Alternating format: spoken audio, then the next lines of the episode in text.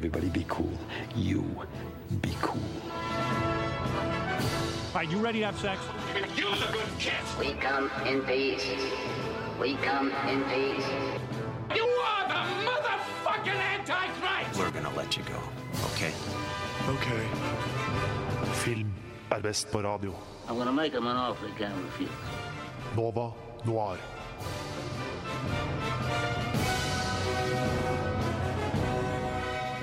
Ja, yeah!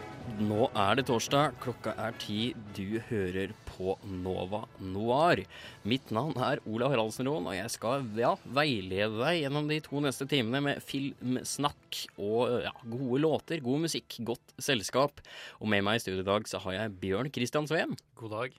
God dag, min gode mann. Og like overfor meg sitter han der i en fabelaktig genser, fabelaktig sveis.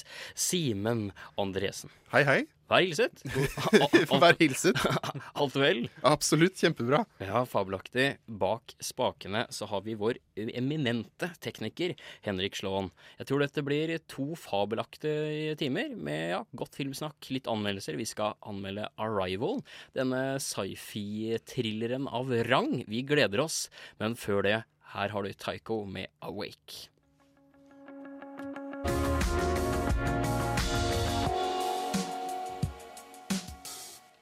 Det var Taiko med Awake. Fabelaktig Taiko. De skal spille på John D i Oslo i februar. Så hvis de likte disse altså, fløyelsmyke tonene, så kanskje du skal ta deg en liten tur? Ja, for jeg skal det. Det er i hvert fall ja, klingende klart. Har til og med kjøpt billetter. Men nok om Taiko, nok om mitt konsertprogram, for å si det på den måten. Nå skal vi videre til ukens filmnyheter.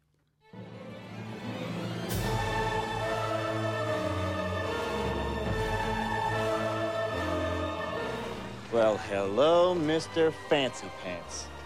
I got news for you, pal. You ain't leading but two things right now Jack and shit. And Jack left town. Nova Noir gir deg ukas filmnyheter. Ja, mine gode kumpaner. En uke har gått her i, ja, skal vi si, på, på Nova, men også i filmens verden. Ting har skjedd. Eh, annet enn at Donald Trump har blitt president. Ja, vi skal snakke om filmnyheter, ikke ja, presidentvalget. Simen, Simen, selv om vi sikkert kunne snakka nok om Trump, har Absolutt. du funnet noe filmrelaterte nyheter? Ja, det har jeg. Eh, sist uke, selv om vi kanskje allerede visste det, så ble det offisielt da kunngjort at Stranger Things sesong to kommer neste år. Eh, på Twitter så delte de bilde av at hele castet fra første sesong satt og leste manus for andre sesong. Her eh, bekrefter de iallfall at eh, hele castet kommer tilbake igjen. Og de plukker opp trådene ett år etter den forrige sesongen ble avsluttet.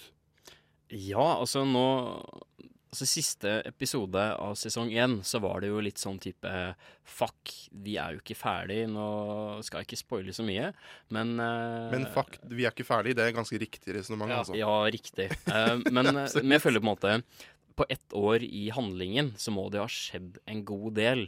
Uh, både hva har skjedd med L, hva har skjedd med Will. Han hadde jo en litt sånn morsom seanse helt til slutten, Mm. uh, før på en måte lyset gikk. Mm. Så jeg er veldig spent. Jeg tror at det kan være en morsom utvikling. Jeg syns også det funker greit sånn med tanke på at de er jo kids, og man, de vokser fort. Ja. Ja. De merker, man merker jo veldig fort at uh, spesielt barneskuespillere plutselig blir tenårings, tenåringsskuespillere.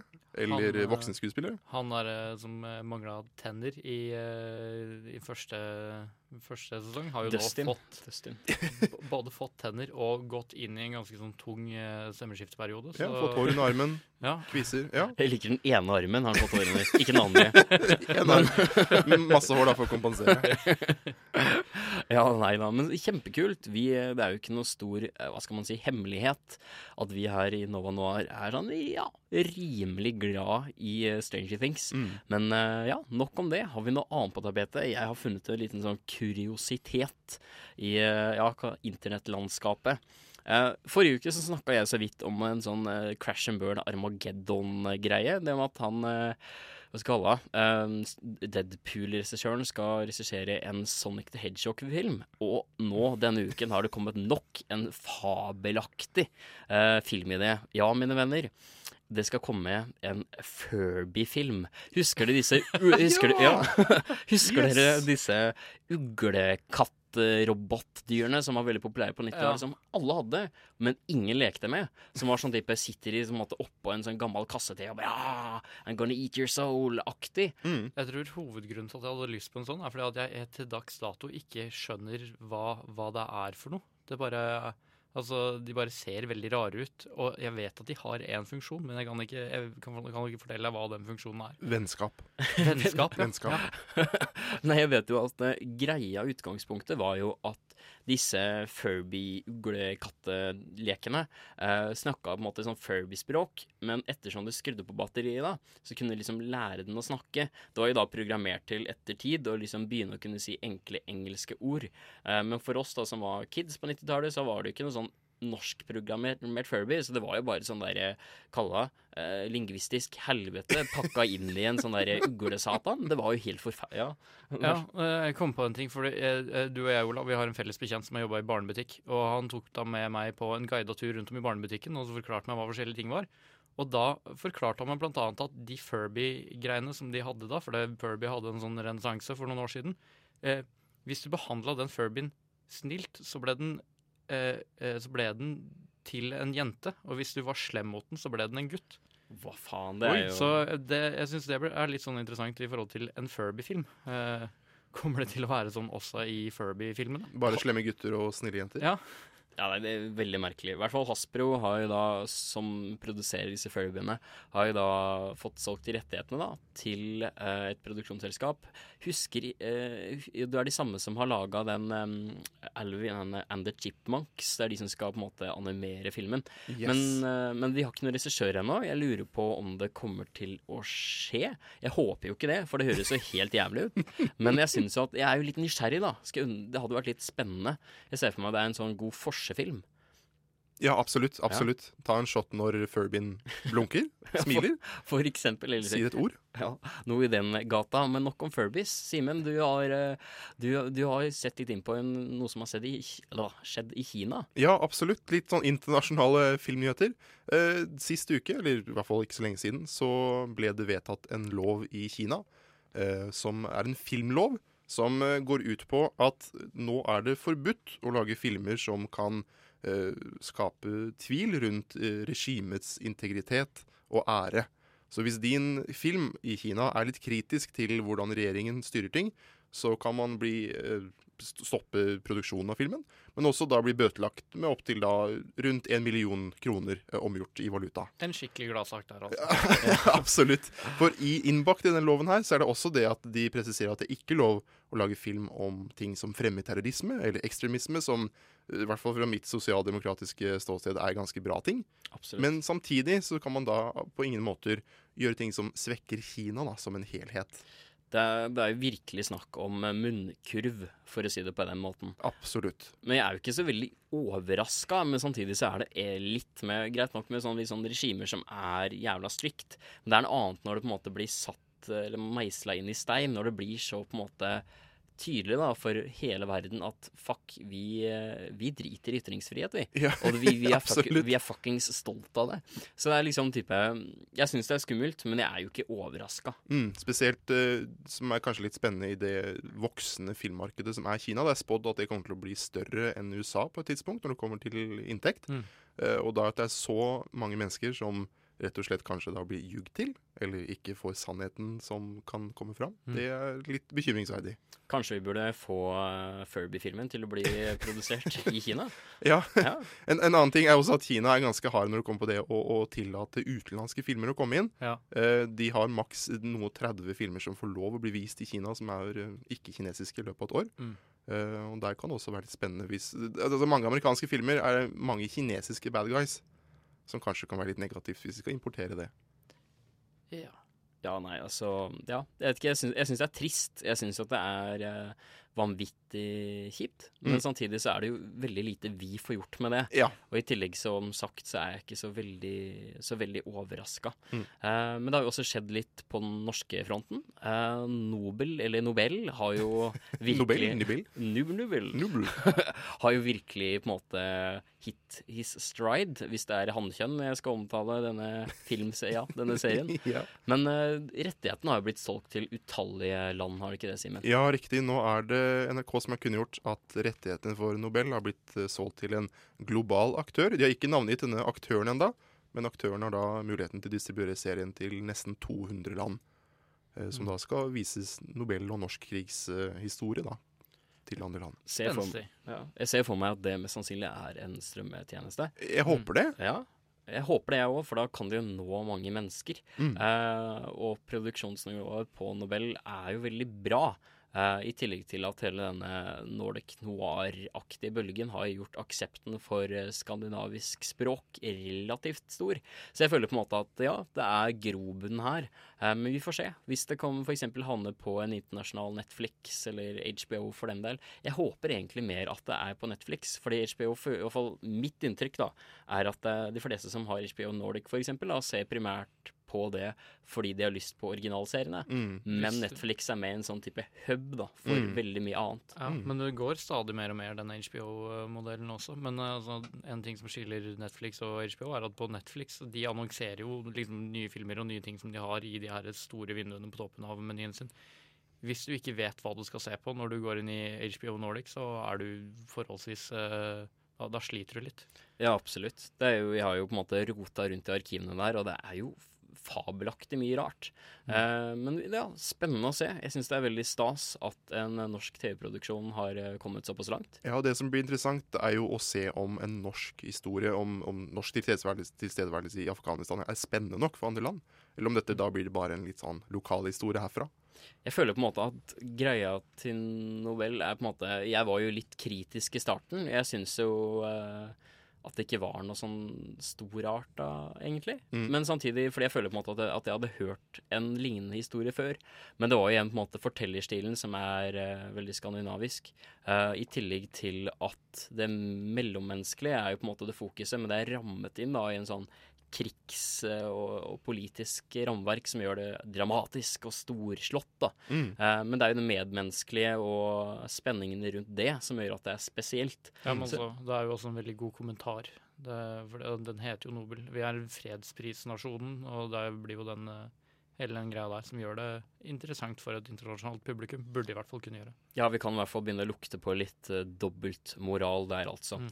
Ja, det var ukens filmnyheter. Nå får de Twentysill og Feishan med Copycat. Don't be a copycat. No. Roger that.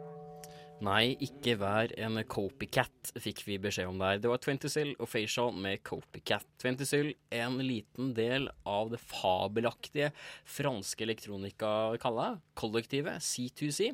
Nevnte forrige uke at jeg hadde sett det på Roskilde. Jeg har fortsatt gjort det en uke senere. Det var dritbra.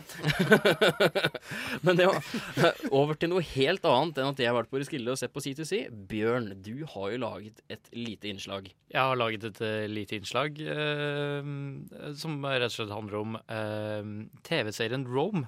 Og hva som egentlig skjedde med TV-serien Rome, og hvorfor det ikke er noen av vennene mine som skjønner hva jeg mener når jeg sier TV-serien Rome.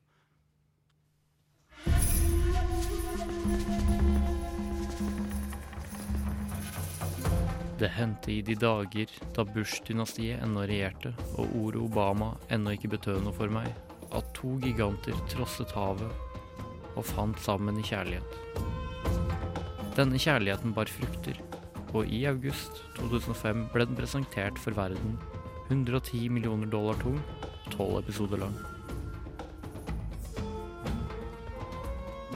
Som avkom av et samarbeid mellom BBC og HBO burde Rome laget store ringer i vannet, og så vidt jeg husker, så gjorde den også det. Mitt første møte med Rome var en bakgrunnsdokumentar jeg så før serien i det hele tatt hadde begynt å gå på lufta i Norge. Og det var ikke måte på hvor imponerende Rome lovet at den selv skulle være.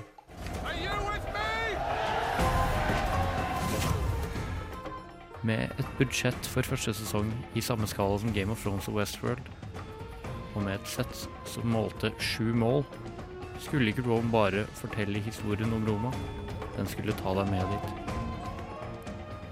Selve handlingen i Rome finner sted i overgangen fra republikk til keiserrike, og tar for seg livene til Romas mektigste og modigste.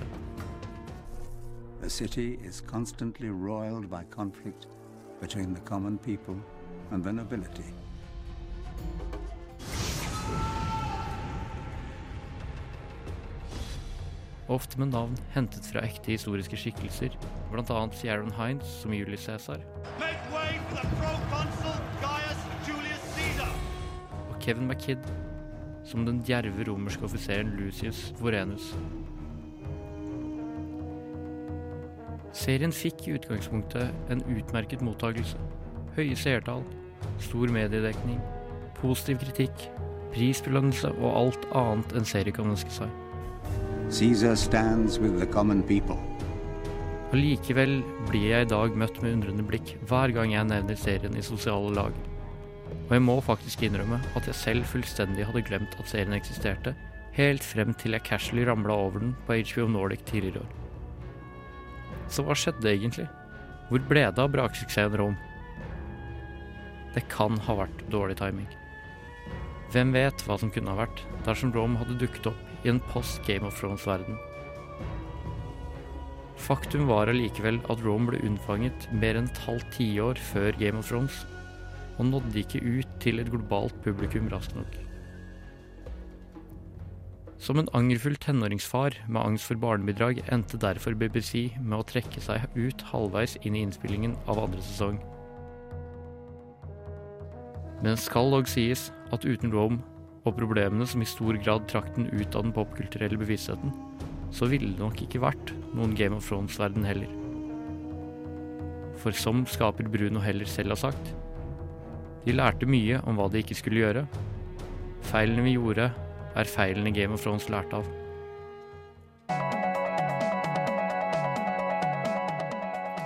Det var 120 Days, det Oslo-baserte elektronikaprosjektet med Dale Disco Radio Nova Edit. Så ei lita edit bare for oss, det er relativt stas. Noe som ikke er så stas, er katastrofer, og mange har vel, hva skal man si, oppfattet dette presidentvalget i USA som en liten katastrofe. Men det kunne jo ha gått veldig, veldig mye verre enn det. Og derfor skal vi tenkt å snakke om ja, katastrofefilm, for å få liksom litt i perspektiv. da. Det kunne gått verre. Det kunne ha gått så mye verre. Du mener at uh, det kunne gått verre? Hillary kunne blitt valgt? Er det det du refererer til? Nei, nei, vi kunne jo fått Ronald McDonald som president i USA. Det hadde jo vært verre. Det hadde vært verre. Trump vinner pluss en vulkan. Ja. Det hadde jo vært ganske ille. Ja, jeg syns det.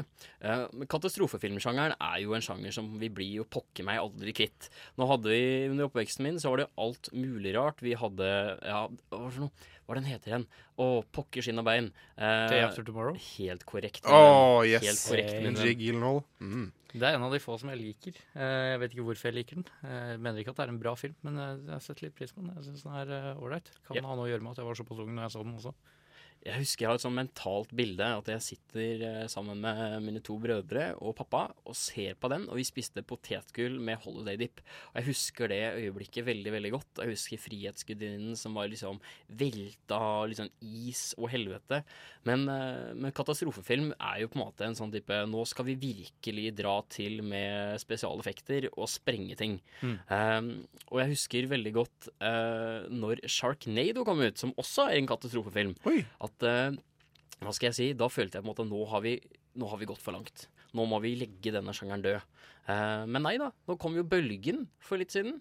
Hva, hva føler vi? Er katastrofefilmsjangeren en sjanger vi burde pensjonere, eller er det noe grobunn fortsatt? Vel, jeg føler kanskje at uh, som en sjanger så kan godt besøkes med jevne mellomrom. Når det blir for mye katastrofer, så er det nettopp det. Da blir man litt uh, hva skal vi si, uh, utmatta. Man klarer ikke helt å forholde seg til det. Det samme da som, altså En norsk katastrofefilm syns jeg personlig var veldig spennende. Um, men katastrofefilm i det hele tatt jeg liker egentlig ganske godt. Jeg Ja. liker veldig de store effektene. Men det jeg liker aller best, er jo å se menneskene i de situasjonene de havner i. Ja.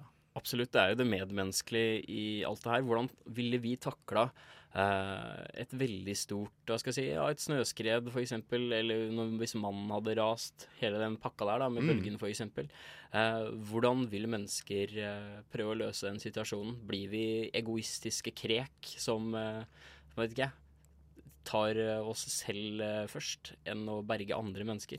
Det er på en måte det som er spennende, men samtidig så er det også gøy for å på en måte se hvor er det status quo befinner seg sånn CGI-messig. Det syns jeg også er veldig spennende. Hva er det vi får til av altså, bra spesialeffekter? Vi har kommet veldig langt nå. I hvert fall på Hollywood-messig plan. Så føler jeg at vi har kommet veldig langt CGI-messig, men i Norge så ligger vi litt lenger bak, kanskje. Eh, nå syns jeg jo bølgen var grei. Mm. I hvert fall sånn CGI-messig? Ja. Ja, det absolutt. Jeg syns den absolutt levde opp til mål. Det er sikkert derfor det tok såpass lang tid for si, den lille filmnasjonen Norge å skulle få sin første katastrofefilm. Mm. Fordi de da skulle bruke nok ressurser på god CGI. Jeg, jeg, jeg, altså, katastrofefilmer for meg ble pensjonert eh, da 2012 kom. Eh, det, det for meg er eh, den perfekte katastrofefilmen, og det er en like stor katastrofe som det er en katastrofefilm. Jeg, hater den filmen så innst og for jævlig. Men Er det pga. katastrofen i filmen, eller pga. karakterene som er i stort sett ganske platte? Katastrofen i filmen er jo latterlig, og som du sa, det skal jo liksom handle om det mellommenneskelige, og så da må det i hvert fall Altså, du kan ha en helt ridiculous uh, katastrofe, men da må det i hvert fall ha liksom gode, dynamiske karakterer uh, gjennom hele filmen, og det hadde jo ikke i 2012 i det hele tatt. Mm. Og det er der jeg syns liksom mange katastrofefilmer svikter, er at uh, det det burde handle om det mellommenneskelige. Jeg er ikke så sikker på om jeg vil si at det som regel handler om det. Det handler som regel mer om, eh, sånn som jeg har sett det, hvor kult kan vi få det til å se ut når eh, en kilometer med bakke sprekker opp i et høl. Ja, ikke sant? Det blir mer fokus på Det blir sånn der eh, Kalle det litt ja, sånn grafikkoreopplegg. Det er sånn type Nå skal vi liksom Og får vi til å ha en flodbølge og et jordskjelv og masse, masse fighter jets som kjører forbi og bomber ting samtidig, liksom. Jeg føler på en måte at det blir en sånn ehm, Jeg føler man undervurderer publikum veldig fort, da. Jeg tror bare at sånne visuelle ting og ting som at det er storarta rent visuelt, skal holde for å trekke kinopublikum. Og det er det jo ikke bare katastrofefilmer som gjør. Men uansett så føler jeg på en måte at det blir en litt sånn banal ting å, å, å fokusere på, da. Jeg er helt enig. altså Ja. disse, disse bildene, disse visuelle tingene. Jeg synes at uansett hva man gjør når man skal lage en film, det visuelle, at alt burde være til rette for å drive historien videre. Og det er ofte det som er i, i disse katastrofefilmene, at det ikke er en god nok historie. Mm. At, det- at vi som publikum, som du sier, uh, blir undervurdert. At vi skal liksom bli uh, wow av dette flotte, store CGI-katastrofene. Ja, absolutt. Nå er det, kommer det jo snart en Eller det er iallfall i gang å jobbe med 'Skjelvet'. Denne nye norske katastrofefilmen skal foregå i Oslo. Det skal vi snakke litt mer om etter Noia med 'Nostalgia del Futuro'.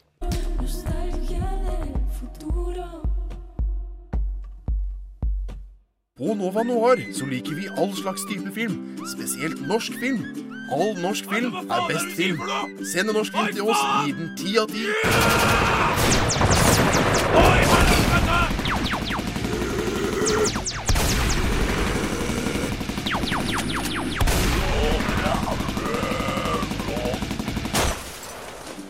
Nå, Noir. Vi liker fortsatt ikke kommersiell bullshit. Nei, vi liker fortsatt ikke kommersielt bullshit. Det var Noia med Nostalgia del Futuro før det igjen. Den er en del av Radio Novas A-liste. Bare gå inn på radionova.no, så finner du både A, B og C og alt mulig rart av lister der inne. Gjør det med en eneste gang. Ja, tilbake til det vi snakka om i stad. Nå kommer Skjelvet. Skjelvet blir jo da en katastrofefilm i hovedstaden. Det kommer da et gedigent jordskjelv og skal liksom ryste både ja, statsministre og folk som bor her.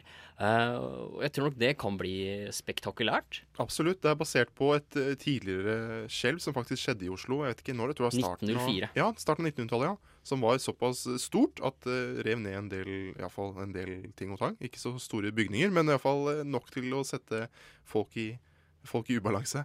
Ja, absolutt. Og nå er det jo det at veldig, en veldig stor andel av Norge Hva heter de som har gitt penger til Skjelv igjen? NFI?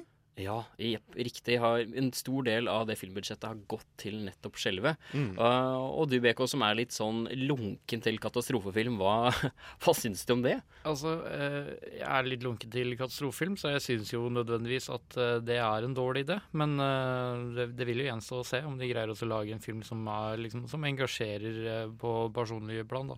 Men det er jo også som Altså, jeg syns det hadde vært veldig morsomt hvis vi først skal liksom putte så mye penger i noe. Hadde det ikke vært litt morsomt også å se hva, hva Burning kunne gjort med det samme budsjettet? Og Bare laget tidenes eh, bilfilm, eh, liksom. Jeg syns det hadde vært mer interessant enn et jordskjelv i Oslo. Så du vil ha mer biler da fremfor jordskjelv i ja, Oslo? det engasjerer jo en større prosentandel av uh, norske befolkningen, tror jeg. Tror, ja, altså, for jeg, vet, ikke, altså, jeg vet jo at nordmenn generelt er jo litt sånn navlebeskuende. Vi liker veldig godt å se oss sjøl på kinoen. Mm, absolutt.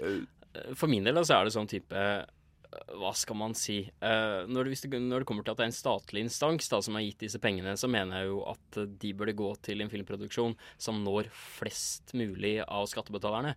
Som, ja, rent prinsipielt så er jeg med deg der, BK.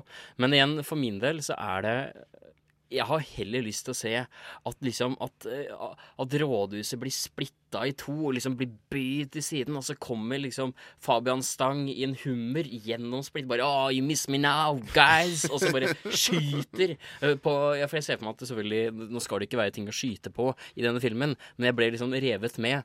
Eh, Men skyter på, jeg vet ikke, svenskene med en sånn automathagle, og liksom ting eksploderer. Aker Brygge eksploderer. eh, Og så Tjuvholmen eksploderer. Alt eksploderer. Operaen går opp i flammer. Så for min del er det et morsommere tankeeksperiment enn å se på at folk ligger sidelengs i nok en uh, bilfilm. Men det er jo igjen min, uh, min egen preferanse. Jeg føler på en måte at bilfilm det har, liksom, det har blitt gjort før, men en katastrofefilm i Oslo Det har katastrofefilm blitt gjort òg. Men ikke i Kanskje Oslo. ikke i Oslo, men uh, Jeg tror det er det som er det største salgsmomentet. At folk har lyst til å se Oslo på å si ødelagt. I hvert fall på, å si, på film. Ja. At man kan føle på frykten Og- uten at man faktisk må føle det reelt. det kan faktisk treffe en del folk i distriktet. Ja, det, er, det er en del folk i distriktet som har lyst til å se Oslo ødelagt. Eh, Oslo brenner, ja. Men, men nå har det jo vært veldig mye hva skal jeg si, snakk om snusk innenfor politikken i Bergen. Tror du kanskje Berg, bergenspolitikerne har lobba som pokker for å få hovedstaden til å gå opp i flammer? Det ser jeg for meg. Altså, hele Bergen kommer til å stå liksom på Brann stadion med storskjerm og se på skjelvet og juble. Champagne blir sprettet. Barn blir kysset. Liksom, det er, altså, hvis det er én våt drøm alle i Bergen har, så er det jo at hovedstaden skal gå til helvete. Men Nei da. da, da vil jeg pitche en motfilm eh, som handler om Bergen. Der det bare i sånn der to dager regner så hardt at det ikke går an å puste. Eh, og hva det gjør med Bergen, Ja, vil jeg for, for det har jeg jo egentlig tenkt på at Bølgen ble jo en stor suksess, i hvert fall når det kommer til inntekt. Mm. Regner med at skjelvet kommer til å bli det samme. Altså, Potensialet for andre typer katastrofer utover Norge er jo ganske stort. Ja. Altså Vulkan på Voss, orkan på, på Gol. Altså, mulighetene er jo ganske store. Ja. Absolutt. Men igjen så føler jeg Vi skal jo ikke Jeg syns det er litt dumt at hvis vi som filmnasjon blir en sånn der katastrofefilmnasjon, så har vi liksom Trier som gjør liksom mellommenneskelige greier, og så gjør alle andre de med katastrofefilm og bilfilm. Jeg syns det, jeg syns det Det er ganske bra splittelse av norsk Det filmpublikum. ganske fint. Jeg syns det, jeg syns det hadde vært nitrist, det. Så vi er jo en naturnasjon, så det gir jo mening at eh, hva er det som eh, kan eh, Hva er det som er den største trusselen her? Det er jo ingenting som er så skummelt som om det er umiddelbare omstendighetene dine som prøver å ta livet av deg. Mm, Men det interessante blir jo å, å se uh, det medmenneskelige, som vi nevnte i stad. Altså hvilken historie er det vi skal bli fortalt i denne katastrofefilmen. Jeg personlig håper at familien fra, fra Bølgen kommer tilbake. At de kanskje nå har flyttet til Oslo, og at det skjer faen meg igjen. Ja, Men Kristoffer Joner må jo få litt fri innimellom han òg, da. Sånn, sånn Jaw-style, at katastrofen bare jager én familie. Ja, Eh, riktig. riktig. Ja. Ja, nei, altså, det hadde jo vært, det hadde jo vært spenstig. Men nei, jeg veit ikke. For min del så er det Jeg tror skjelvet kan bli interessant å se på, men jeg tror ikke at det blir noe sånn mesterstykke. Jeg tror ikke vi kommer til å vinne noe Oscars gjennom skjelvet, for det er jo ikke noe Det er jo ikke stor innovasjon, er det det? Nei, det er det jo ikke. Men, men som eh, kanskje den mest kjente norske byen eh, internasjonalt, så er det jo best at de ødelegger Oslo Ja. fremfor en annen by. Men at det er spesielt nyskapende, det tror jeg ikke. Men, men se for deg, det hadde jo vært litt sånn småfestlig. Ikke fordi jeg liksom har noe Bærer noe nag til f.eks. en litt mindre by som Lillestrøm. Mm. Men hvis de hadde brukt så mange millioner med masse CGI i Lillestrøm, det hadde vært sånn supersurrealistisk. Jeg hadde syntes det hadde vært litt mer Kunne gått gjennom boksen, i hvert fall. meter for meter og bare se hva, hver enkelt kvadratmeter av Lillestrøm bli sakte, men sikkert ødelagt, liksom? Er det sånn klarer Åråsen bare liksom blir, blir på en måte Se for deg Du vet når du på en måte tar på deg en, en eh, engangshanske, og så tar du ut en, og så vrenger du da engangshansken når du tar, uh, tar liksom Tar hånda ut igjen. Se for deg at litt det samme skjer da med Åråsen. Liksom at den blir pløyd ned i jorda, så måtte skyter Åråsen vrengt opp igjen av et sånt hull i bakken. Det hadde virkelig vært noe. I forhold til liksom Ok, greit, rådhuset som blir splitta av to, og Fabian Stang med punktbagel hadde jo også vært ganske tøft. Men jeg veit ikke. Vi må ikke Er det bekrefta at Fabian Stang skal være med? Fordi jeg ble veldig gira på den. Jeg nå. også ble veldig gira på Fabian Stang som kjører telefoner. Håper protagonisten er Fabian Stang. Det- Det håper jeg også. det håper jeg også. Nå har jo, Jeg vet ikke hva Fabian holder på med nå, men der har vi i hvert fall en liten idé. Kanskje Fabian burde bli skuespiller? Kanskje han har burde- tid til det nå? ja. Jeg håper det. Han, chiller han chiller'n mye nå, tror jeg. Men ja, mm, det var jo litt apropos til hva som kunne skjedd, som er verre enn eh, presidentvalget som nå gikk av stabelen.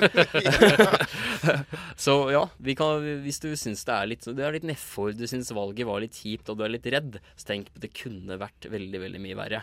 Eh, apropos det, her har du Wystone med Hope. I have never been more hopeful about America.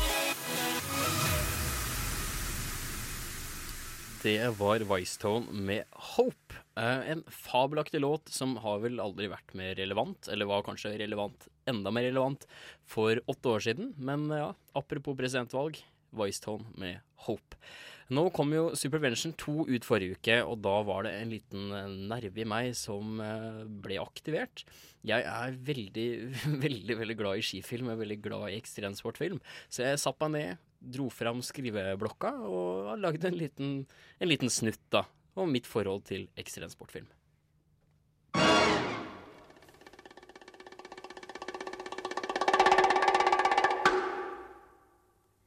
Jeg er veldig glad i film.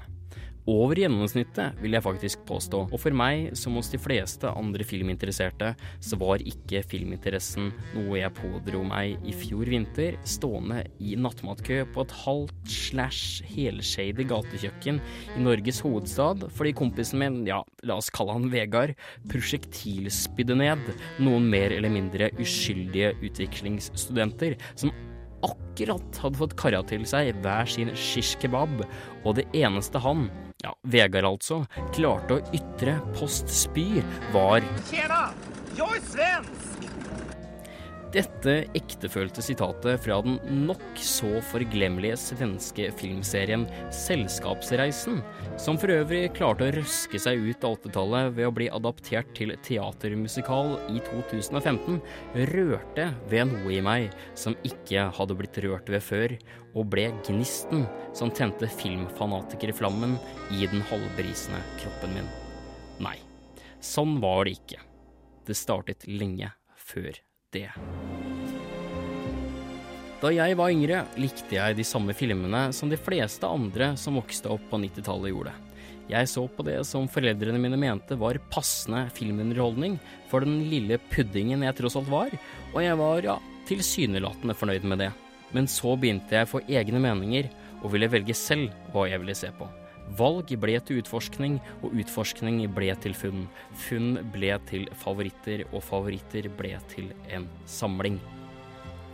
Der hvor flere av mine jevngamle hadde filmsamlinger med sverdstrengende muskelbunter, eller forskjellige versjoner av Adam Sandler som ser ut som en løk på coveret, så hadde jeg en salig blanding av folk som ut ifra coveret man er rimelig sikker på ble fraktet bort med båre med minimum 17 nidvinnende indre blødninger og et halvt kraniebrudd bare ti sekunder etter at bildet ble tatt. Jeg hadde blitt hekta på ekstrem sportfilm. Backside 720 into the switch method. Captain. Flawless. Are you kidding me? Hvem trenger slapstick-humor, dårlige bensineksplosjoner og damer med abnormalt store tits når du kan se på gærninger som står baklengs ned Matterhorn på ski, tar tredoble backflips som om there was no tomorrow og ler gamle-Erik midt i trynet, mens de tar en dobbel rodeo 1080 meat curtains til lipslide switch-up 270 ut, pakket inn i banging tunes, slow-mo og enda mere slow-mo. Ekstremsportfilm er en nokså smal sjanger, som ikke altfor mange har et veldig sterkt forhold til. Hvis jeg skal kortfattet oppsummere hele sjangeren, så er det en blanding av dokumentarfilm, jackass og det kinesiske turnlandslaget. Strukturen er som regel litt som en gedigen montage, hvor man som regel følger en samling folk som er irritabelt gode i idretter som går ut på å risikere liv og helse idet de bedriver disse idrettene, være seg snowboard, skateboard, twintip, BMX, FMX etc. Massive McTwist. We have seen that all night. 15.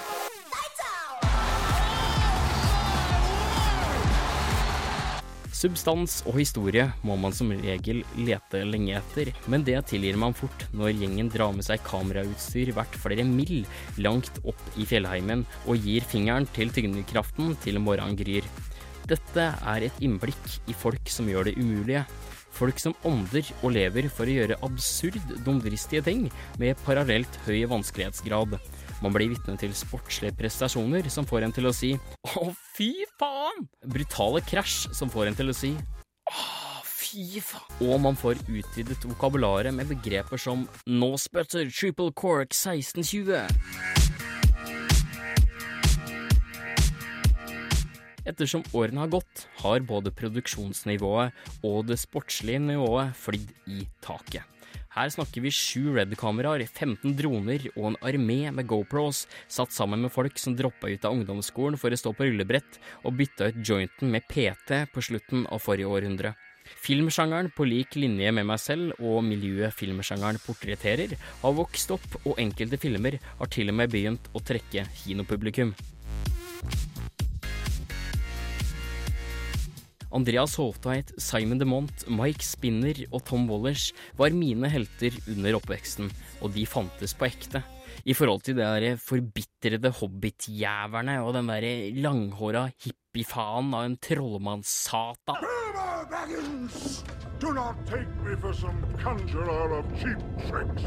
Nei da, du er ekte du også, Gandalf. Men det de gjorde var mulig. Ikke spesialeffekter dratt ut av ræva på Peter Jackson, og det var det som fascinerte meg. At det var mulig, at det hadde skjedd, at jeg også kunne gjøre det.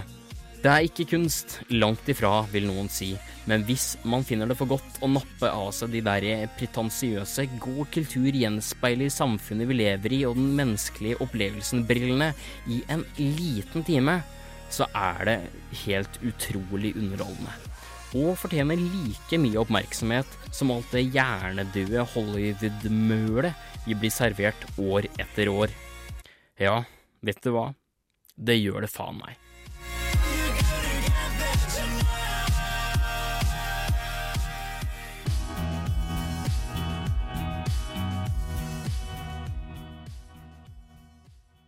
Det var Actracer med Sweetheart Sayonara. Ja, fabelaktig låt. Den er også en del av A-lista på Nova. Bare gå inn på radionova.no, og så finner du listene der som nevnt tidligere.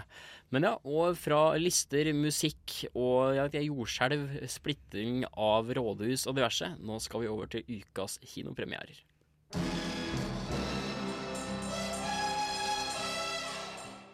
Ukens kinopremierer.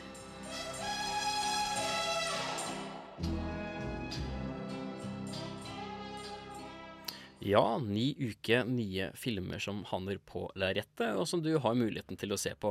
Jeg var en liten tur og så på den nye storfilmen Arrival.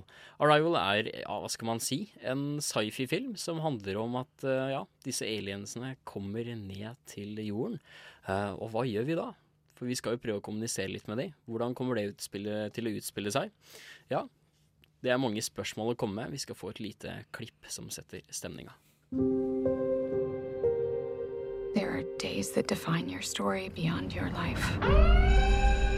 Like the day they arrived.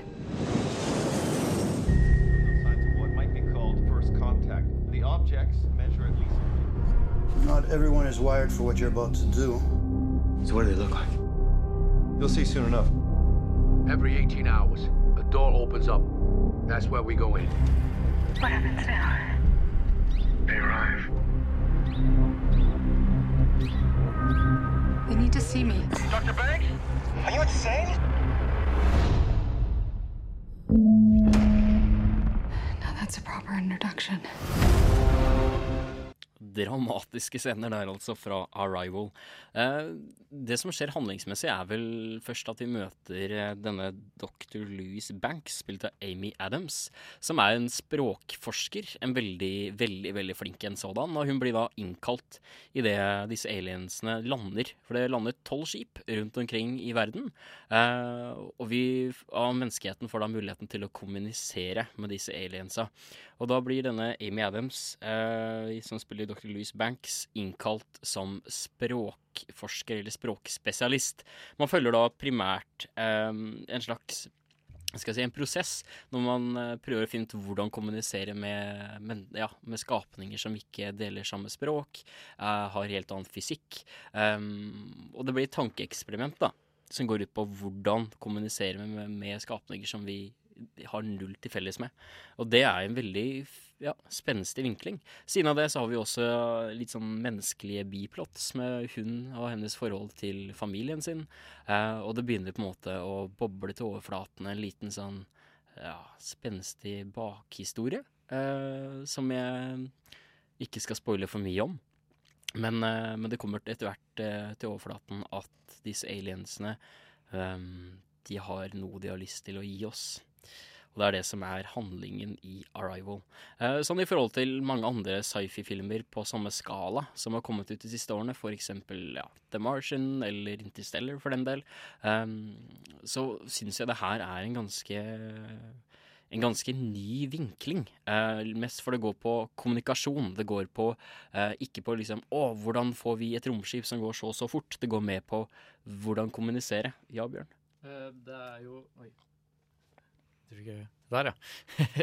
det er jo en ny vinkling, men det er jo en vinkling som, uh, som uh, utprega nerder sånn som meg sjøl har uh, etterspurt i ganske lang tid. Fordi det blir bare alltid tatt for gitt at hvis vi møter alien, så skal det automatisk altså, det, Vi finner en måte å kommunisere på. Det er, liksom, det er bare eh, det, det, finner vi ut av. Men, ja, absolutt. Jeg føler på en måte at de hadde en veldig, eh, kalle det, naturtro måte å løse det på. Nå vet jo ikke vi hvordan aliens eventuelt hadde sett ut IRL, men i hvert fall framgangsmåten de hadde, da, var veldig sånn prøv og feilaktig, og jeg satte veldig pris på det. De hadde faktisk i researchen til filmen eh, kontakta dette teamet som faktisk eksisterer, da, som er et sånn der eh, lingvistisk team eh, som ja, har liksom planlagt og skal være operative hvis vi må kommunisere med aliens en eller annen gang. Eh, og det er jo denne prosessen, denne kommunikasjonsreisen, som er på en måte kjernen i filmen. Eh, så er det jo visuelt sett veldig, veldig vakkert. Veldig, veldig bra fargekorrigering. veldig Dybdeskarpheten er veldig god. Det man kan forvente av en film eh, med dette budsjettet, og som på en måte ja, jeg føler på en måte at det er det du forventer. Selv om det var veldig vakkert, så kan du liksom ikke forvente noe mindre. Det var én scene som var jævla off, for å være helt ærlig. Sånn, ja, kalla CJI-messig. Det var en uh, som bare var veldig merkelig. Kan hende bare jeg som syntes det var rart, men det så litt sånn nesten pixelata dårlig ut. Så jeg var sånn uh, ble litt satt ut, for å være helt ærlig, sånn rent uh, på det visuelle. Lydmiksen er veldig, veldig, veldig god. Scoren er ikke noe sånn type man hopper ikke ut av stolen, for det er liksom det du kan forvente, men samtidig så var den veldig, veldig fin. Det hjelper jo sjølsagt med kinolyd. Eh, men for min del så er det jo denne historien, dette tankeeksperimentet med kommunikasjon, eh, plussa med relativt gode Eh, relativt gode skuespillerprestasjoner, både for Jeremy Renner, som spiller på en måte den andre protagonisten, i tillegg til Amy Adams. Hun spilte godt eh, og lagde et veldig sånn menneskelig portrett av litt sånn rådvillhet rundt kommunikasjon. Jeg syns det var veldig tøft. Jeg syns det ødela litt for meg, dette biplottet som handler mer om noe sånn Kalle det litt sånn diffus eh, diffuse, diffuse greier som jeg ikke Jeg skal ikke spoile det, skal ikke komme helt inn på det, men jeg føler det var en sånn mer eh, romantisk historie. Litt sånn type patos for the wind-aktig amerikansk uh, greie som jeg syns måtte dra bort fra det ved plottet som jeg syns var best. Jeg Hvis de hadde fokusert mer på kommunikasjonen hele tiden, og det er spennende, istedenfor å på en måte um, ha en rød tråd som på en måte ødelegger det litt. Jeg syns den var veldig synes den var veldig god, veldig spennende, veldig fin å se på, veldig bra lydmiks, men at de kanskje burde ha droppa den, den røde tråden, eller det som også er helt elementært i Eller på en måte hovedfokuset på slutten, da. Selv om det kanskje hadde blitt mer um, stivt hvis jeg hadde tatt det, tatt det bort. Men jeg vil uansett gi den syv av ti. En veldig god film. Hvis du skal se den, så vil jeg vel, eh, og du liker, um, liker science fiction, så gjerne se den på kino. Det er et veldig tøft tankeeksperiment, veldig godt laget. Men uh, den havnet ikke helt der oppe. Det kunne ha droppa noen ting, men det, men det er da ikke så ille som det kunne ha vært, føler jeg, da. Så si av ti til eh, Arrival. Nå får du M med Mojo C2C Remix.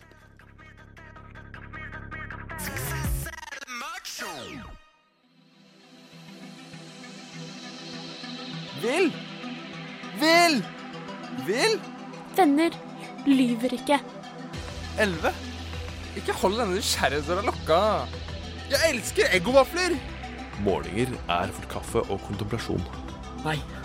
Nei, det må gorgon. Nova Noir er ikke redde for å snakke om rare ting. Ja, vår lille homasj til Stranger Things der, altså. Veldig tidsriktig. Jeg føler det. jeg føler det Litt sånn morsomme åttitallshinter og litt sånn uh, spenstig norske Stranger Things-aktige lines. Veldig festlig. Men ja, nå etter denne lille praten jeg hadde om Arrival, så er jo også det med Kall det kommunikasjon innen film er et tema som jeg føler på en måte blir snakket for lite om. Uh, mye av at vi tar det litt for gitt i og med at det er skuespillere ofte som har dialog, og som prøver på en måte å holde et narrativ gående gjennom samtale. Men før så var det jo var det jo ikke noe samtale i film. Da var det jo stumfilm. Ja, riktig. Da var det rett og slett tekniske eh, forhindringer, eller si vanskeligheter, som gjorde at det ikke var mulig å ha tale. Mest fordi kameraene lagde jo en del lyd under opptak. Man kunne ikke ta opp clean lyd samtidig. Ofte måtte man da etter hvert dubbe film, som også ble litt, eh, litt tåpelig. Men helt i starten så var det jo stumfilm. Eh, da måtte jo skuespillerne si, fortelle historien eh, på en mye mer tydelig og fysisk måte. Med bruk av kroppsbevegelser og ansiktsuttrykk. Og også disse tekstplakatene da, som kom inn etter hvert. Absolutt. Jeg føler det var jo igjen noe, en rent teknisk ting, at vi ikke fikk til å på en måte ta opp lyd sammen med bilde. Eh, men filmmediet, akkurat som Arrival eh, prøver å legge fokus på, har jo også muligheten til å kommunisere hvordan kommunikasjon og språk igjen, hvilken rolle det har da i den menneskelige opplevelsen.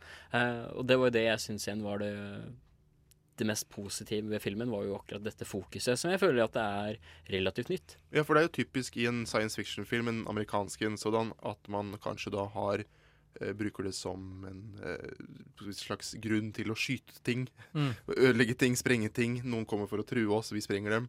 Mm. Spesielt amerikansk. Det at man prøver å fokusere på kommunikasjon, det å forstå, det å kunne lære av hverandre, er jo en ganske frisk, frisk vinkling. Det er, jo, det er jo en ganske sånn god, gammel trope at uh, sånn type Arnold Schwarzenegger, enough talk-aktig eh, det er, sånn- det er eh, Conan the Destroyer eller noe sånt, nå tror jeg. Så er det jo eh, Ja. Det er en fyr Jeg tror han bokstavelig talt sier sånn derre sju ord før eh, Conan-karakteren til Arnold Schwarzenegger sier 'enough talk', altså kaster, eh, kaster eh, sverdet sitt gjennom brystet på han. Fordi det er jo liksom sånn Ja, det typiske ja, amerikanske, da, at eh, det handler mer om Det skal være handling, ikke ord.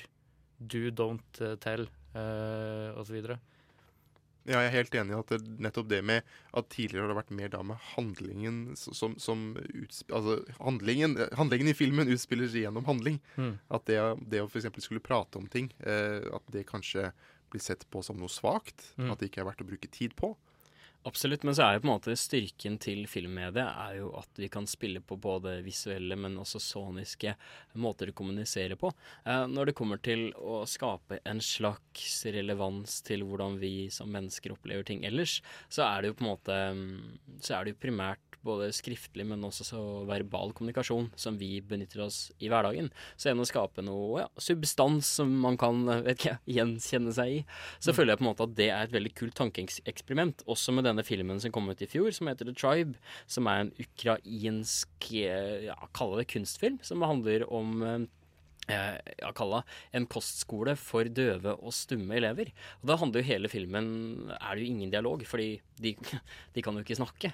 Eh, og, det, og det igjen, selv om det er lyd. Jeg på en måte syns det er en veldig, et veldig morsomt og kreativt scenario som på en måte setter på spissen at kommunikasjon er så mangt. Både det å lære seg å snakke med andre hvis man ikke snakker på samme, snakker samme språk eller har samme måte å formulere seg på, men også det å ikke kunne snakke. Alt det, dette med kommunikasjon som er så grunnleggende for oss mennesker, er på en måte prøve å sette, legge fokus på det, at det er en ja, at det er en relativt kompleks greie, da. Det er jo eh, morsomt sånn, i tanke på den filmen der, der du egentlig liksom trekker eh, verbal dialog ut av eh, bildet. Men så er det jo også en sånn liten trend oppegående altså, med at spesielt TV-serier kanskje prøver å tilnærme seg mer realistisk dialog enn det de har gjort tidligere. Fordi en filmdialog eller en, liksom en vanlig TV-seriedialog, det er ikke sånn folk snakker naturlig. Og da har du for eksempel, du har egentlig liksom komedier som, som begynner å bli ganske gode på det, sånn som eh, Aziz Ansari sin 'Master of None'.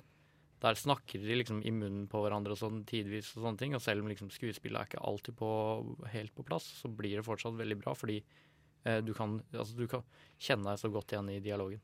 Og det er jo kanskje derfor vi syns det er såpass kunstig å, å se eldre filmer hvor skuespilleren ble instruert om å skulle tydelig snakke sin Mm. setning før du som personen person jeg prater med, skal fortsette å si din setning.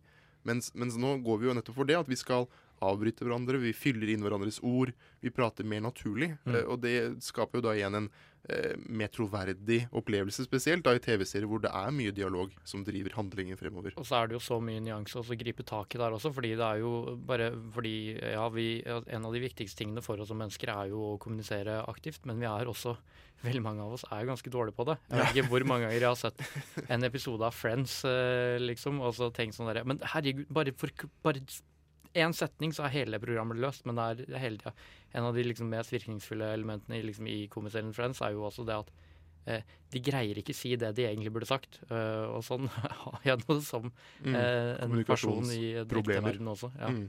Absolutt. Og så føler jeg, når det kommer til språk generelt, hvordan film eh, tar tak i denne ganske, sto, denne ganske brede, store tematikken.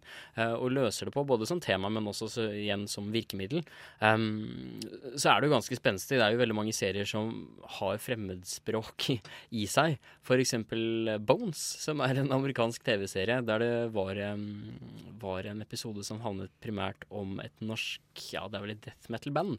Men det har jo selvsagt da ikke fått inn noen nordmenn til å snakke norsk i denne serien. Nei da, det var, det var vel noen tyske skuespillere som har fått norske lines. Og da blir det sånn haltende. Jeg føler på en måte at hvordan spesielt Hollywood og den amerikanske film- og seriemaskinen behandler fremmedspråk, er veldig sånn nesten sånn fordummende mot, eh, overfor publikummet sitt. Og jeg, nei, jeg veit ikke. Jeg syns liksom generelt hvordan de takler hele den, eh, hele den problematikken. Er litt ikke, jeg er ikke direkte uenig med deg, men, eh, men eh, det er også sånn der, det, det gir mening å ikke henge seg for mye opp i det når du antageligvis eh, allerede Hvis det ikke er veldig stort poeng i filmen, og du allerede har veldig mange andre ting du skal gjøre, så det går greit å ha en tysker som, som snakker norsk, fordi folk Altså, det meste av publikummet vil jo ikke merke forskjellen. Nei, nei, jeg det skjønner jeg. Absolutt. Jeg er ikke uenig. Da er jeg litt vi si, direkte uenig med deg, Bjørn. Ja. Eh, For jeg syns at det kommer egentlig på filmen eller TV-seriens autentisitet. Mm. At alle elementene stemmer. Og det tyder jo da på at man rett og slett ikke bryr seg nok om disse karakterene som skal teknisk sett være norske. Mm. Mens det blir portrettert av Tyskland. Fordi man tar snarveier. Kanskje det er økonomien, kanskje man ikke bryr seg nok til å gjøre det en, en ordentlig jobb, da. Mm. Men eh, jeg føler det er jo sånn eh, Altså det er en konsekvens som eh, alle land som ikke er Amerika, deler liksom. Altså, Ja. Har det samme Vi deler den samme børen der, og altså amerikanere er ikke alltid så flinke til å eh, formidle seg sjøl natur, jeg heller. Så Helt enig. Altså, det er jo en lang historie på det. Så for eksempel The Thing, John Carpenters The Thing, hvor det starter med disse forskningsbasene hvor det skal være nordmenn. De fikk inn en eller annen haltende danske til å prate. Mm. Eh, eller for eksempel i TV- TV-serien Weeds. Så handlet det om The Norwegians der også en gang. Ja. De var ikke norske i det hele tatt. Det var jo bare halvveis alt sammen. Dude, where's my car? Ja. Eh, men det syns jeg er fordi den filmen Det er, sånn der, det er ikke norsk aksent, men jeg synes det er det, er- det liker jeg i Dude, where's my car? Fordi det er et hederlig forsøk, altså, Mm. på å etterligne norsk aksent.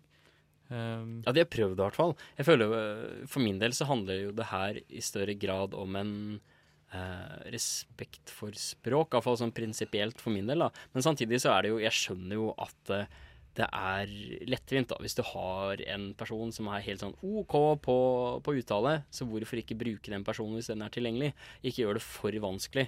Men samtidig så er det liksom, hvis man skal ta, sånn som vi gjør nå f.eks., å ta for oss språk og kommunikasjon som tematikk, både som virkemidler, men også som tematikk i film, så er det sånn man burde ha fokus på Eh, språkforskjeller, da. F.eks. det med at man, ja, som i Arrival, at man ikke har samme utgangspunkt og bruke det som et element i historiefortellingen.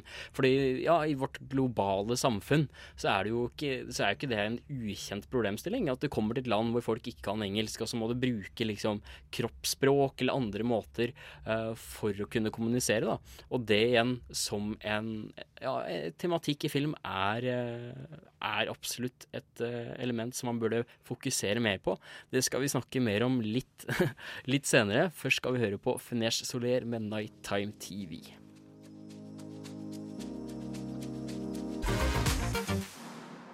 Ah, yeah! Fenex Soler med Nighttime TV. Fantastisk låt. For en låt! Jeg får lyst til å danse! Fantastisk. Ja. Det er en brødreduo fra England. Og de eh, ja, kom ut med en ny skive nå for ja, en drøy måned siden, som heter Kaleidoskop. Fabelaktig lytting. Eh, ikke så veldig store. De fortjener absolutt mer oppmerksomhet. Ja, ass. Ja, uten tvil, uten tvil. De har, um, de har også en skive før det igjen som er veldig, veldig veldig god. Så sjekk ut den. Fennik Soler der, altså. Tilbake til film, uh, og til språk, og til denne lille diskursen vi har hatt. Uh, som dere hørte tidligere, hvis dere har hørt på hele sendinga, så hadde jeg et lite innslag om ekstremsportfilm. Og der hadde vi ja, en liten sånn digresjon om eh, denne filmserien Selskapsreisen. Som jeg må legge til eh, jeg ikke mener er forglemmelig på noen som helst måte. Ikke heller. Veldig stor del av min barndom. Ja, de, dere om det. Dere om, dere om det. Men der har vi også et eksempel på at eh, det er eh, flere språk i samme film, og at det går fint. For her i Skandinavia har vi jo en litt sånn morsom løsning hvor vi kan forstå svensker og dansker, og de tidvis kan forstå oss. Og det, det åpner muligheter at språk og forskjellige språk ikke behøver å være en barriere hele tiden. Vi ser f.eks. i serier som Broen, så er det både svensk og dansk i samme serie. Jeg føler på en måte at denne hva kaller jeg, At man blir mer og mer øh, observant da, på at andre språk også åpner opp andre lingvistiske dører. Du ser f.eks. hvordan Skam har blitt så populært, og hvordan danske plutselig synes at norsk er interessant. At film- og seriemediet kan åpne opp dører for det, også, og det kunne lære seg nye språk. Det er jo en veldig god dør til nettopp det. Mm, men jeg vil også uh, anta at uh, det er ganske mange som ser både på Broen og Selskapsreisen med tekst. Jeg veit personlig om folk som sendte inn klager til TV 2 da TV 2-serien Torpedo var for vanskelig å forstå fordi hovedpersonen er fra Stavanger. og det er, det er noe med det der at det er en sånn internasjonal sånn derre Altså, i Norge så er vi veldig vant til å lese tekst. Det er ikke noen big deal for oss. Jeg setter på tekst på, på filmer og serier som jeg allerede kan språket på. Men det er liksom sånn, det er en av de tingene som må overkomme hvis vi skal liksom leke mer med språket. da, Og sånn som du sier, er jo at det må være en mer villighet for å prøve også Eller det må være en større villighet for å lese tekst, rett og slett. Det du sa med de som da klager på at det ikke er tekst, det hadde nok kanskje vært uh, meg i noen tilfeller. Ja. For jeg skammer meg litt når jeg ser på norske serier hvor det er uh, nordmenn og svensker og dansker som omgås hverandre, og de på skjermen forstår hverandre utrolig bra. Ja. Så sitter jeg som en eller annen idiot i sofaen og tenker at hvorfor forstår ikke jeg det her? Ja. Har ikke jeg vært omgått nok med Skandinavia? Uh, så, men med en gang sånn bare for å ta den digresjonen litt videre. I det siste så har jeg gått i klasse med og snakket mye med dansker og svensker. Mm. Det går veldig greit. Mm. Man må bare bli litt Men det er en øvelsessak. Ja, det sies at, definitivt. Jeg, når jeg vokste opp, så hadde vi jo liksom dansk TV3 og sånn, så jeg har hørt uh, mye dansk. Jeg forstår dansk tålelig greit, tror jeg sjøl. Men uh, så det, sånn sett så hender det iblant at når jeg liksom ser filmer og serier der det er uh, tospråklig, så er det nordmennene som snakker dialekt, som jeg iblant forstår mindre enn uh, Hvis det er en dialekt som jeg ikke er vant til, så forstår jeg jo den nesten mindre enn enkelte av danskene. Absolutt. Men vi i Norge er jo bortskjemte som få. Vi har jo vokst opp i et samfunn og med en TV der serier har gått på originalspråk. Uh, og det tror jeg at vi har den innstillingen litt sånn med fra barndommen av, gjør kanskje at vi er, har litt mer aksept for det. Mm. Uh, men du ser jo også nå, som vi nevnte tidligere, det med at Nobel skal bli solgt til andre land. Da Man ser på en måte at interessen for andre kulturer, og derigjen språk, har blitt mer og mer hva skal jeg si, en større greie da, innenfor filmmediet. Du ser også når det kommer til asiatisk film, f.eks. The Assassin, uh, som var en fabelaktig film som kom ut i år. Den, har jo også, den er også uh, fremmedspråklig, så jeg ser for meg på en måte at man beveger seg i en mer og mer global filmbransje, da, hvor andre språk uh, uten sub er på en måte legitimt. Og det syns jeg er en veldig god ting. Jeg tror nok du har veldig rett der, at vi er på at sånn som filmer som Arrival og sånn, det markerer at vi er på vei eh, inn i en kanskje mer nyansert, mer, eh, mer eh, avansert eh, hverdag der i forhold til film og sånn. Men så er det igjen, for du må forholde deg til publikum, og publikum vil gjerne ha det så enkelt som mulig så for å ikke trekke bort. Så det blir spennende å se hvor, hvor godt det, sånne elementer slår an, egentlig. Ja, det gjør det, for jeg er jo personlig oppfatning, som en som har vokst opp med mye tekst og originalspråk i TV-serier, at man gjør seg selv en bjørntjeneste når man på å si dubber ting. Mm. At det er veldig mye av språkets eh, variasjon, eh, originalitet, som blir tapt i forsøket på å dubbe det til og tilpasse det til sitt eget språk. Mm. At det er mye som rett og slett blir veldig forandra. Jeg har også sett James Bond på spansk. Jeg tror det var dubba av én fyr, Askepott-style. Eh, I forskjellig toneleie. ja. Litt sånn Ja, det er en kunst, det òg. God, god dub er en kunst, det òg. Men samtidig så føler jeg at eh, Akkurat som at hvis jeg kunne ha lest alle bøker jeg har lest på originalspråk, så ville jeg jo helst det. Det er jo det på en måte det er skapt for det språket. Eh, Det er jo ikke alle ord som kan oversettes direkte. Mm. Så jeg føler på en måte at hvis man har muligheten til, både når det kommer til skuespillerprestasjoner, så man tar jo bare bort alt det soniske da, som har med skuespillerprestasjonene å gjøre, ved å ta en dub. Um, så kvaliteten i de fleste tilfeller er vel etter min mening bedre hvis man har en sub og ikke en dub.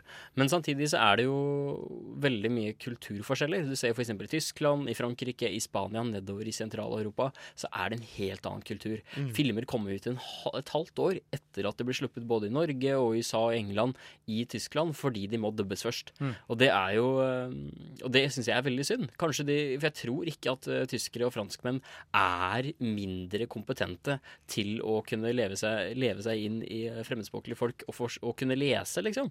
Så jeg, ikke jeg heller. Nei. Så jeg føler på en måte at de gjør eh, de kulturene syns jeg personlig kanskje burde ikke, rikkes litt på, kanskje forandres litt på. Men nå sitter jo jeg i et radiostudio i fjerde etasje på Chateau Neuf i Oslo. Jeg kan ikke bestemme det her. Ja, det blir veldig vanskelig. Det der, det der er en demokratisk prosess. Det er jo eh, de som ser på, som bestemmer hva de vil se på. Men det er jo sånn som at eh, med populariteten sånn ellers i verden med japanske animerer og sånn, eh, da tror jeg det går mest i sub. Eh, det, altså subtitles, uh, undertekst. Og, eh, Ja, det er greit å presisere det. Ja. Sub og dubbing, da. Altså, det, Ja, ja. Ehm, det er eh, altså det, Fordi jeg veit at jeg setter mer, mer pris på å se Naruto, da, for, som et eksempel. Hvorfor ler du av Naruto? Nei, jeg, jeg, Han så jeg har på- ambivalent forhold. Han så sikkert på fjeset mitt at jeg også ikke var helt sikker på om jeg var. Ja, det, det, det var liksom ikke det du er mest stolt av å se på? nei, men jeg har sett eh, Herregud, jeg tror jeg har sett flere hundre episoder av det. Så, Men bra eksempel på anonyme anime som kanskje de ja, mange har hørt om. Jeg tror de treffer eh, Ja. mange. At uh, det er et eller annet som Fordi subtitlesa er ofte veldig sånn Det ser veldig rart ut hvis du aldri har sett uh, en japansk anime før med, med tekst. Så vil liksom grammatikken og sånn vil se veldig underlig ut.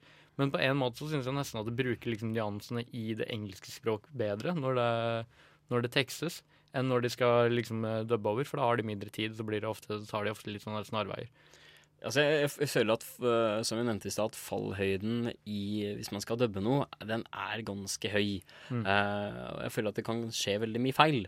Uh, I tillegg så er det igjen at man skal ikke undervurdere publikummet sitt. Du, Simen, sa jo, eller var det du, BK, som sa at eh, publikum vil ha det enklest mulig. Ja. Og den uh, Jeg kan forstå det, men man samtidig ikke undervurdere publikummet ditt. Eh, Nei, det er jo- Jeg tror at eh, det går på en, som en vanesak, liksom.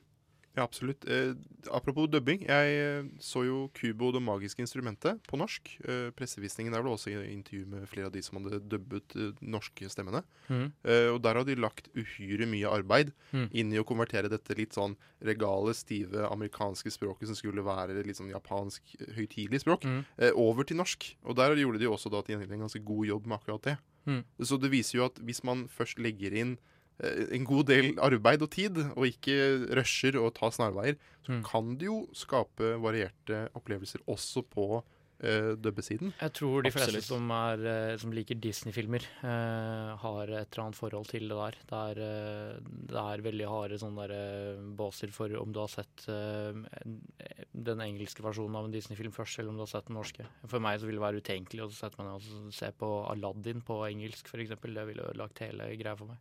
Absolutt. Men så føler jeg på en måte det, det spørs veldig hva slags film det er. Og selvfølgelig også hvem som, som dubber. Jeg føler på en måte at jeg så for eksempel Storkene. Denne filmen, animasjonsfilmen som kom ut for litt siden. Oh, ja. og, da, og da føler jeg på en måte man merker veldig fort at i en dub så er det veldig mange poeng og sos sosiale poeng, vitser der, som går bort. da Mm. På bakgrunn av denne konverteringen da fra engelsk til norsk, for eksempel. Spørs det da om du tar deg bryet til å liksom skrive nye vitser for å erstatte dem osv. Det, det tror jeg egentlig liksom dubbing av eh, Pixar-filmer og sånn egentlig har vært ganske flinke på. Men uh, det er klart det vil alltid mangle noe. Ja, uten tvil. Uten tvil. Ja, så nå litt, eh, har vi hatt litt fokus på språk, kommunikasjon, hvordan dette, hva skal man si, er en del av filmmediet, og hvordan vi som mennesker kan relatere til det i nevnte medium. Nå skal vi over til en liten låt, La Coca Nostra med Master of Dark Arts. Radio Nova, FM 99,3 og radionova.no. Apropos eh, ja, forskjellige språk, det var Kishi Bashi med Bright Whites. Spenstig. Ja, absolutt. Kishi Bashi kom nylig ut med en eh, ganske fersk eh, plate. Det her er en av hans eldre hits. Han er en japansk-amerikaner som synger både på amerikansk og litt japansk. Ellers et multitalent da, som kan en del instrumenter. Det var kjempetøft. Jeg føler eh, det var veldig relevant til det vi snakka om i stad. Både med litt blanding av språk, kanskje ja, introdusere litt nye kulturell eh, ja, krydring i en ellers ganske så streit musikalsk hverdag man fort får. Ja, absolutt. Over til noe helt annet, holdt jeg på å si. Vår eh, medarbeider her i Noir, Tage Rivas, har lagd en liten, hva skal man si, en liten anbefaling. Dette er en film som går på kino nå, så kanskje du burde lytte øre. Her er anbefalingen til Tage av Hell or High Water. Det er en film som kommer ut denne uken, som du ikke har hørt om, men som du må se. Denne filmen heter Hell or High Water.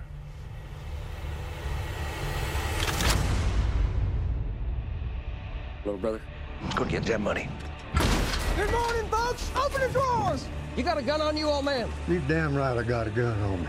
Y'all gonna steal my gun too? We ain't stealing from you, we're stealing from the bank. Woo! You hear about these bank robberies? You may get to have some fun before they send you off to the rocking chair yet. I may have one hunt left in me. Hell og High Water handler om to brødre fra Texas som har bestemt seg for å begå en rekke bankran for å redde familiegården deres fra å bli solgt. Dette setter i gang en etterforskning ledet av den snart pensjonerte politisjefen Marcus, spilt av Jeff Bridges. Boom! Det er alt jeg vil si om historien, fordi du trenger ikke å vite noe mer. Men Tage, hva er det som gjør denne filmen så bra, da? Ro dere ned, nettroll. Jeg kommer til det nå. For meg så var det skuespillerprestasjonene som virkelig solgte filmen. Ben Foster og Chris Pine spiller to brødre med en mørk og ganske vanskelig fortid. Disse to har en helt utrolig kjemi sammen på skjermen. Og for meg er dette helt klart den beste rollen til Chris Pine noensinne. Filmen tar seg god tid så vi lærer dem å kjenne, og man forstår etter hvert at selv om de begår umoralske og ganske jævlige handlinger, så har de gode intensjoner i bunnen av det hele. Filmen veksler fokus på disse to bankranerne og to politimenn som jakter på dem. Dette gir filmen utrolig god dynamikk, og øker spenningen gradvis som filmen går videre. Det som gjør filmen så genial, er at den skiller seg fra en typisk politi- og røverhistorie ved å tilbringe veldig mye tid med begge sidene av konflikten. Du får tid til å forstå og sympatisere med både ranerne og politimennene. Her vil jeg hylle David McKenzie for fantastisk regi og Taylor Sheridan for utrolig godt manus. Karakterene handler innen en moralsk gråsone istedenfor å være inndelt i sort og hvitt. Been here for a while? Long enough to watch the bank getting robbed has been robbing me for 30 years. How'd you manage to stay out of prison for a year? It's been difficult. Tell them stand up! These boys know exactly what they're doing. They're trying to raise a certain amount, that's my guess. Let's go! Drive, drive! Jeg vil påstå, ok, hold dere fast, at Jeff Bridges gjør kanskje sin beste rolle i Hello High Water siden han spilte The Dude i The Big Lebowski. Han bringer en naturlig humor og sjarm, men også en dramatisk tyngde til de mer alvorlige scenene. Vi har akkurat vært gjennom en sommer med mange skuffende storfilmer. Suicide Squad, X-Men Apocalypse og Independence Day 2. Jeg vet, de filmene var skikkelig dritt. Jeg vet hvordan det føles å gang på gang forlate kinosalen uten å få forventningene sine tilfredsstilt. Men folkens, det er da dere må begynne å vende hodene deres mot de mindre filmene. Hell or High Water er virkelig en gjemt skatt blant kommersielle og uoriginale filmer. Den skinner som en oase i ørkenen. Den er som et ledig sete i en ellers fullstappet buss. Den er som en superlike på Tinder etter måneder med sveiping uten en eneste match. Hvis du elsker film, gå og se Hell or High Water.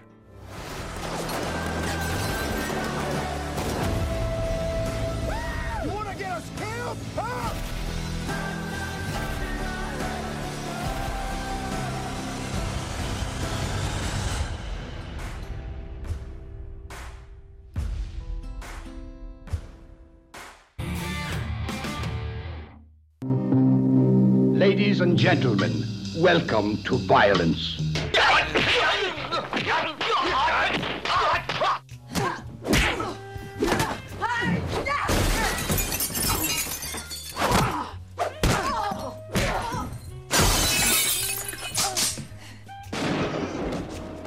You got knocked the fuck out, man!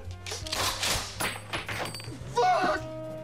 I'm gonna get medieval on your ass. Oh, fuck's happening? Oh, man, man! Oh man, I shot Marvin in the face. Why the fuck you do that? I didn't mean to do it. It was an accident. Nova Noir. Fordi det er helt greit å skyte noen i hodet på film. ja, det er lov til å skyte folk på, i hodet på film. På film. Det, på film, på film. Det er veldig greit å på måte skille mellom de to, føler jeg. Ja. ja, Før det så hørte du eh, Royal Blood med Ten Ton Skeleton. Fabelaktig band. Som ja, det har jo blitt relativt svært nå, men alle bassisters store frelser. Det er jo et band som både bare har bassist og, eh, og trommis. Og for min del, som en traktør av det firestrengte herlige instrument, så er jo Ja, jeg, det gleder meg stort. Det gleder meg stort. Var lyrisk beskrevet. Fikk jeg nesten lyst til å spille bass, jeg også. Ja, det skjønner jeg godt. Nei, men herregud, det er eh, fabelaktig, fabelaktig, fabelaktig musikk. Hvis du liker det, så bør du også sjekke ut et band som heter uh, Death From Above 1979, som også har samme instrumentale struktur. Veldig, veldig kul greie. Ja, nå nærmer vi oss dessverre slutten. Enden på avisa, som det heter på fint. Vi har snakket mye om mye forskjellig. Både katastrofefilm, en liten sånn ja, plaster på såret etter dette valget vi har vært igjennom. Det var jo mange, hva skal jeg si, litt labre tanker og litt sånn små triste fjes. Mange reaksjoner. Ja. Mange reaksjoner. For å si noe innlysende. Mange reaksjoner. Men da kan vi på en måte ja, prøve å få et smil om munnen. Da kan vi se for oss hele scenarioet med Fabian Stang som kjører i en hummer. eh, Og skyter svensker. Å, svensker. Fabian skyter svensker. Jeg vil ikke svensker også, bare så det er klarert.